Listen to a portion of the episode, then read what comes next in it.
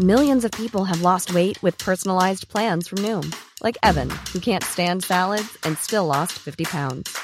Salads, generally, for most people, are the easy button, right? For me, that wasn't an option. I never really was a salad guy. That's just not who I am. But Noom worked for me. Get your personalized plan today at Noom.com. Real Noom user compensated to provide their story. In four weeks, the typical Noom user can expect to lose one to two pounds per week. Individual results may vary.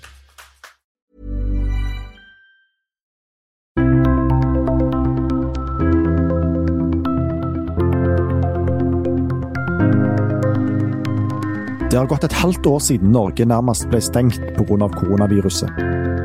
Samtidig stupte oljeprisen, og utsiktene var ikke spesielt lyse for oljebransjen. Hvordan er situasjonen i dag? Kan det komme en bølge av nedbemanninger framover? Og kan koronaviruset bidra til å framskynde oljeindustriens fall? Du hører på Det vi lever av, som er et samarbeid mellom Stavanger Aftenblad, Bergens Tidende og E24.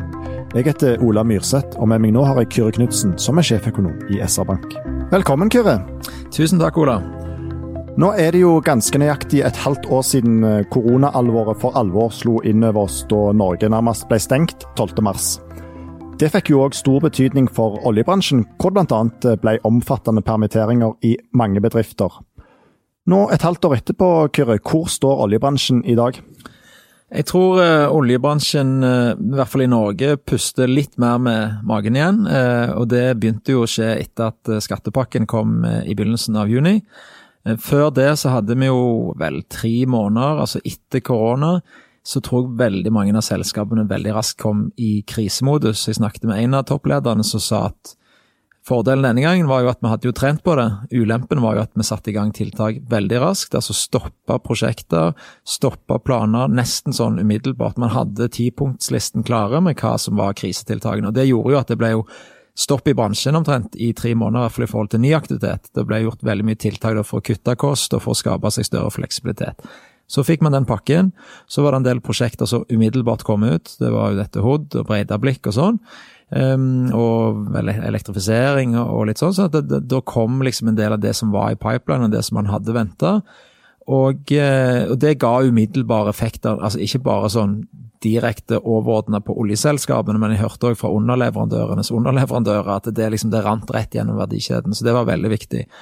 Og nå står vi i en situasjon da der utsiktene for kan du si 2020 eh, har gått fra veldig usikre og mest sannsynlig en ja, ikke ubetydelig nedgang, til at det er nokså sideveis utsikter for 2020. Siste oppdatering fra SSB med sin investeringstelling som kom for ikke så veldig lenge siden, viste at eh, nå venter oljeselskapene en aktivitet på ca. 183-84 milliarder i 2020, som faktisk er litt høyere enn i 2019.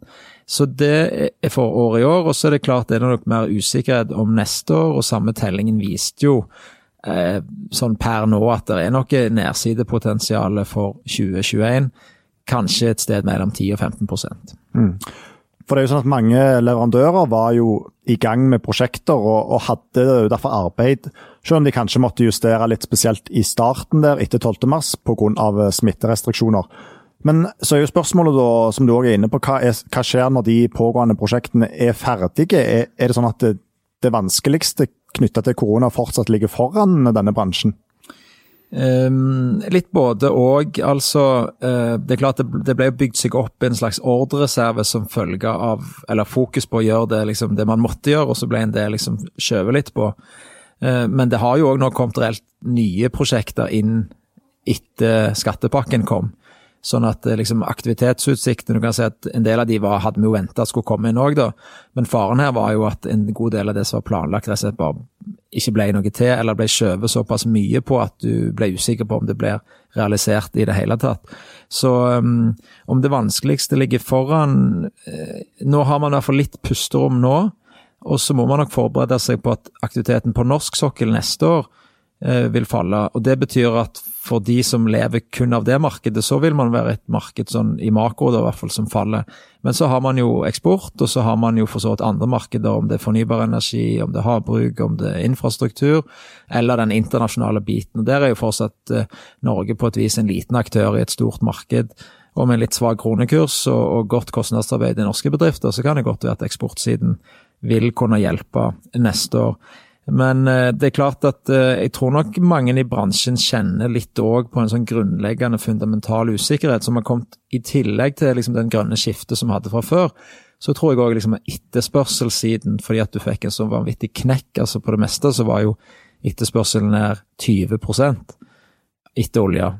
Og så, um, så har den liksom tatt seg opp, og nå er fortsatt ned 10% Men liksom en sånn knekk på etterspørselssiden, den er litt sånn fundamental og litt krevende å håndtere for bransjen.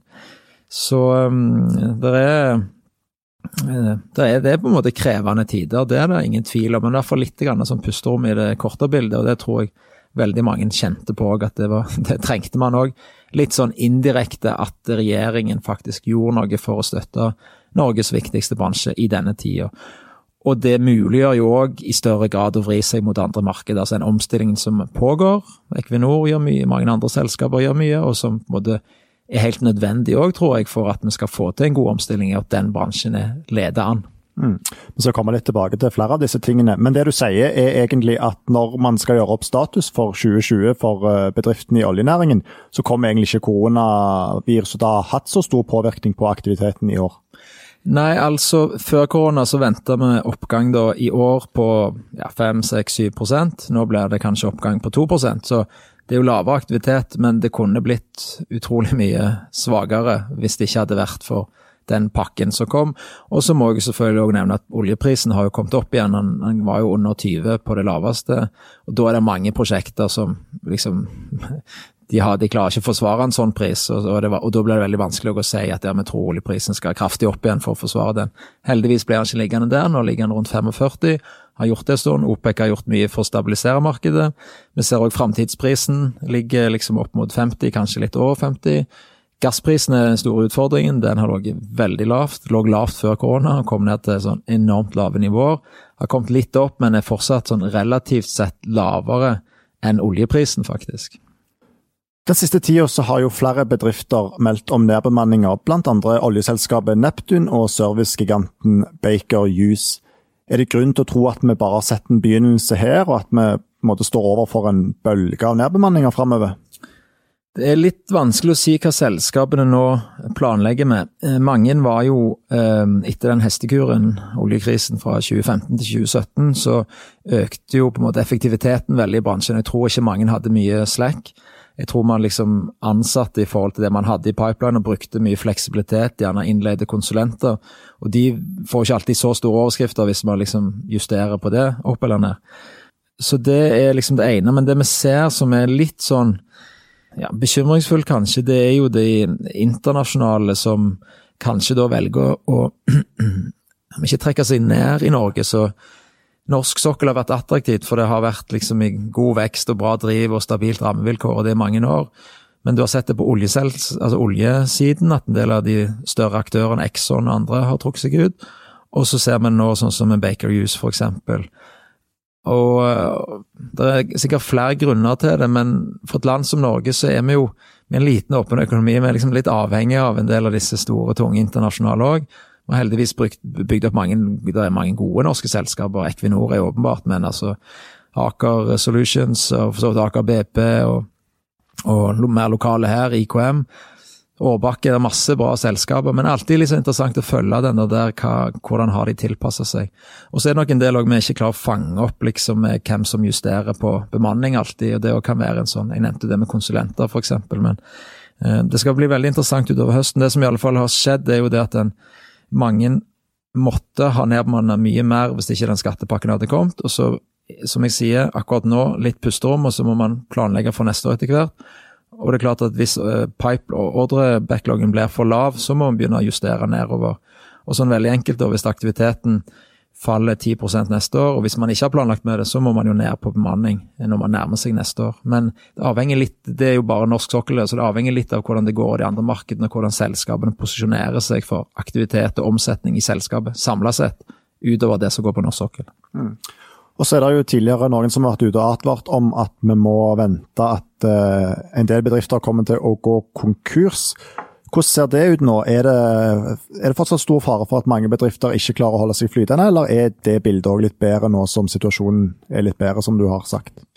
Um, akkurat når det gjelder på olje og oljeservice, så, så, var det jo i den der første fasen så hadde jo en del ting de skulle gjøre. sånn at det, Der var det ganske sånn interessant, for der var det jo en del selskaper som var på en måte mer utsatt for korona i det korte bildet. Eh, oljeselskapene jevnt over er jo eh, i hvert fall de i Norge er jo såpass kapitalisert at de, de klarer ganske mye forskjellig, mens det er jo mer innenfor service, da. Og um, det er klart, der har det vært uh, utfordringer, og, og, de utfordringene som var før korona, ble liksom enda mer tydelige innenfor de liksom kapitaltunge delene, om det gjelder rigg eller offshorefartøyer. Så um, det blir i hvert fall spennende framover å se på de, liksom de støttemekanismene. Vi hadde jo likviditetslån for bankene, vi hadde en kompensasjonsordning fra staten. Vi hadde gode eh, permitteringsordninger, har for så vidt blitt forlenget, men òg liksom ble justert litt på en del av de løsningene som, som i sum var gode i den koronakrisen. Det som er eh, litt fare nå, er hvis, hvis regjeringen forlater de støtteordningene for tidlig, da. Eh, og særlig kanskje hvis du ser for ulike bransjer. For for noen bransjer så fikk man seg en skikkelig knekk, og så kom man godt tilbake igjen. Fordi at man liksom gjenåpna samfunnet, eller de gikk fra å være nedstengt, det er jo ikke bra. Men når de åpner igjen, så normaliseres ting, en god del tjenester og sånn. Varehandel òg. Men for uh, oljeindustrien så lever man da med et slags tidsetterslep her, der den fulle effekten faktisk ikke kommer før neste år. Til tross for denne skattepakken, så er det jo da, som jeg nevnte, forventa noe nedgang neste år. Så det skal bli, eh, skal bli spennende framover. Om det kommer en bølge, det, det, er jeg litt usikker på, men vi er i hvert fall veldig oppmerksom på det. Du har jo nevnt eh, denne skattepakken nå ved flere anledninger, og Eh, du har jo før forklart hva den skattepakken går ut på, men kan du ikke bare kort igjen, eh, for oss som trenger litt repetisjon, si hva er liksom hovedlinjen i den skattepakken som til slutt ble eh, en realitet fra Stortinget? Den var meint å være en slags likviditetsordning, da, og sørge for at ikke prosjekter som var lønnsomme og gode, eh, ikke skulle bli realisert, fordi at eh, liksom, oljeselskaper og bransjen ikke hadde nok penger i kassen. da. Og da, det måten man gjorde det på, var tidligere, hvis du har gjort en investering, så kan, du ta den over regnskap over seks år. Så hvis du gjorde en investering på en milliard, så tok det altså seks år før den hadde liksom blitt nedskrevet i regnskapet og fått skattemessig effekt og sånne ting. Mens nå så kunne man ta den på ett år, da, eller samme året, samtidig som du gjør investeringen. Det, og det betyr at da, eh, da får, du, får du bedra likviditeten din, fordi at eh, det blir mer penger i kassen det året. Eh, og så er det også sånn, det har òg en effekt at litt avhengig av hva liksom, eh, diskonteringsrenta du bruker på, så, så er det òg en, en, god fordel for bransjen, rett og slett fordi at du, du, får, eh, du får, utsatt beskatning, da. Mm.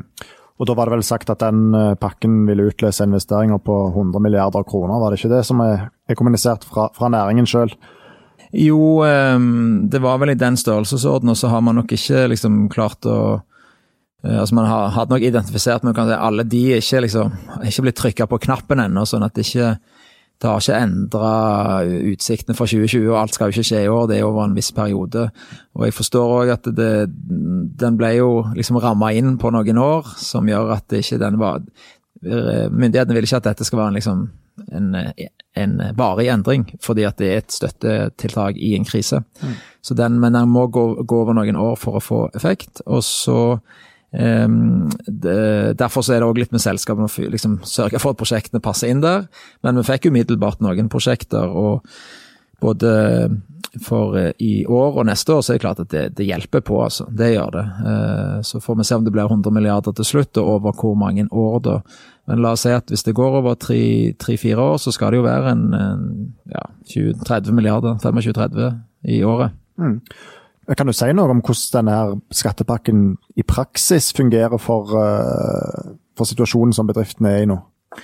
Ja, altså, jeg snakker jo litt med selskapene og ser jo litt på prosjektene. og det er klart For enkeltprosjekter så kunne det slå ganske godt ut. altså, og Hvis du regner sånn, sånn break even, da, der mange prosjekter kanskje Sånn på norsk sokkel så har man jo prøvd å få ned denne balanseprisen, den prisen liksom du må, oljeprisen må ha for at det er lønnsomt å bygge ut til, fra 35 og nedover. og så Sverdrup er jo litt spesielt, for den ligger på 20, blant annet fordi at det, eller under 20 kanskje, for det har vært så stort.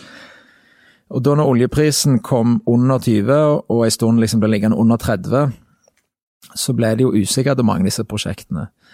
Men hvis du tar de prosjektene som lå på rundt 30, da, med den pakken liksom i snitt, og så kom du 7-8-9 dollar ned, så da kom du ned på lave 20-tallet. Så da fikk du en mye større avstand om, la oss, la oss si når prisen kommer på 30, eller ja, nærmer seg 40, da. Som gjorde at det var lettere for de, og økonomisk sett òg, å, å, sette i gang med disse prosjektene. Så, så det hadde en, en, veldig sånn praktisk betydning i form av at det ble mer lønnsomt, eller det kunne gå faktisk fra å være ulønnsomt å bygge ut, til å bli lønnsomt med den pakken. Og Derfor så snakket man da om opp mot 100 milliarder i investeringer som dette kunne utløse. Og så er det jo veldig mange som er opptatt av omstilling, og hva de bedriftene i oljebransjen skal gjøre for å finne nye bein å stå på. Hva kan denne pakken bety for den omstillingen? Um, nei, det er jo som at om, om, det er et hinder for omstilling, at man liksom låser inn innenfor oljevirksomhet. Men man kan jo òg snu litt på det og si at disse prosjektene var jo planlagt før korona òg. Og før korona så var det planlagt med omstilling òg. Eh, og det, det, holder jo å se på Equinor på et vis, med den nye kursen som de har staka ut de siste årene. De nye prosjektene. Ambisjoner som, eh, som å bli et mer diversifisert energiselskap. Så um, jeg tenker på et vis at det, var, det er jo litt nødvendig òg at det hovedbeinet som du står på, står litt støtt. og Hvis økonomien hadde blitt dårligere i selskapene, så er det jo vanskelig å drive omstilling. og Vi så jo disse elektrifiseringsprosjektene f.eks. ble satt på spissen. De er jo eh, marginalt lønnsomme, eller kanskje i verste fall ulønnsomme, i liksom litt det korte bildet, hvis du bare skulle, skulle tenke kroner og øre. Og hvis du ikke har en kjernevirksomhet som det er liv laga i, da er det faktisk vanskelig å drive omstilling. Så jeg tror kanskje jeg ville snudd litt på det og sagt at det, det, det er avgjørende at ikke liksom kjernevirksomheten hadde gått helt i kjelleren her. Eh, og at du måtte si opp folk, og du liksom rett og slett ikke hadde hatt kapasitet, verken økonomisk eller mer sånn ressursmessig i forhold til menneskene som jobber der, til å drive omstilling. Mm. Og så var du inne på tidligere at uten denne skattepakken så ville f.eks så ville det vært mye større nedbemanninger enn det som nå ser ut til å bli realiteten. Hvordan å sette ord på hvor mye verre situasjonen hadde vært for oljebransjen hvis man ikke hadde fått denne skattepakken? Ja, altså Vi målte jo i konjunkturbarometeret da, i mai-juni rett før pakken, og da var det eh, 37% av selskapene som, de som venta liksom, økt aktivitet. og Det betyr at da eh, 63% venta nedgang. Og um, det var nedgang i aktivitet, og særlig ordreinngangen. Det var jo bare 25% som hadde oppgang i ordrereserven. Sånn at, eh, og på nedbemanningssida da, så kunne du fort hatt en situasjon der kanskje ja, 15% 10-15% av selskapene måtte ha nedbemanna. Og så er ikke det Det hadde nok ikke gitt liksom 10-15% lavere jobber, men at det kunne gitt en eh, Hvis vi regner at i dag jobber det 200 000 mennesker i den bransjen, og kanskje opp mot 10 i hvert fall 5 som da er 10 000 mennesker bare i den bransjen, ville nok ikke vært sånn helt urimelig estimat, altså. Så, og, så, og, så, ser vi at etter den kom, så har det vært stille om nedbemanninger, så har det kommet litt grann nå i det helt siste med, med, som du nevnte, med Neptun og Baker Juice. Og sikkert noen andre òg som ser litt på hvordan de skal skalere bemanning og ressurssituasjonen framover. Så er det jo sånn at Oljebransjen var i en ganske usikker situasjon før koronaen òg. Eh, vi vet at klimautslippene må kraftig ned de neste tiårene, og det er jo en diskusjon rundt oljebransjens posisjon hvor det er bred enighet egentlig om at bruken av olje og gass må ned, men ikke om hvordan og hvor raskt det skal skje. Kan koronakrisen bidra til å framskynde oljeindustriens fall på et vis? Ja, altså vi ser jo bare det at uh, etterspørselen fortsatt er 10 lavere enn uh, før uh, korona. Det gjør i hvert fall at både de som bruker nå mindre olje og gass, når de nå skal ta opp igjen bruken, så kan de se på alternativer.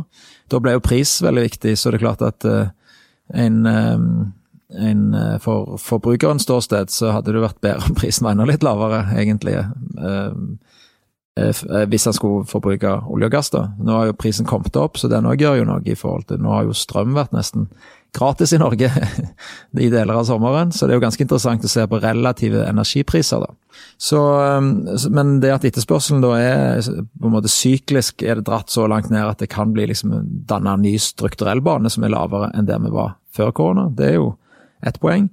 Og så er det det som jeg sier, hvordan man da tilpasser seg fra, eh, fra en del av de andre virksomhetene som normalt vil øke etterspørselen litt eh, olje og gass igjen. Vil de se på andre alternativer, hvor, hvor billige andre alternativer i den perioden vi nå går inn i? Relative priser kommer til å bety noe.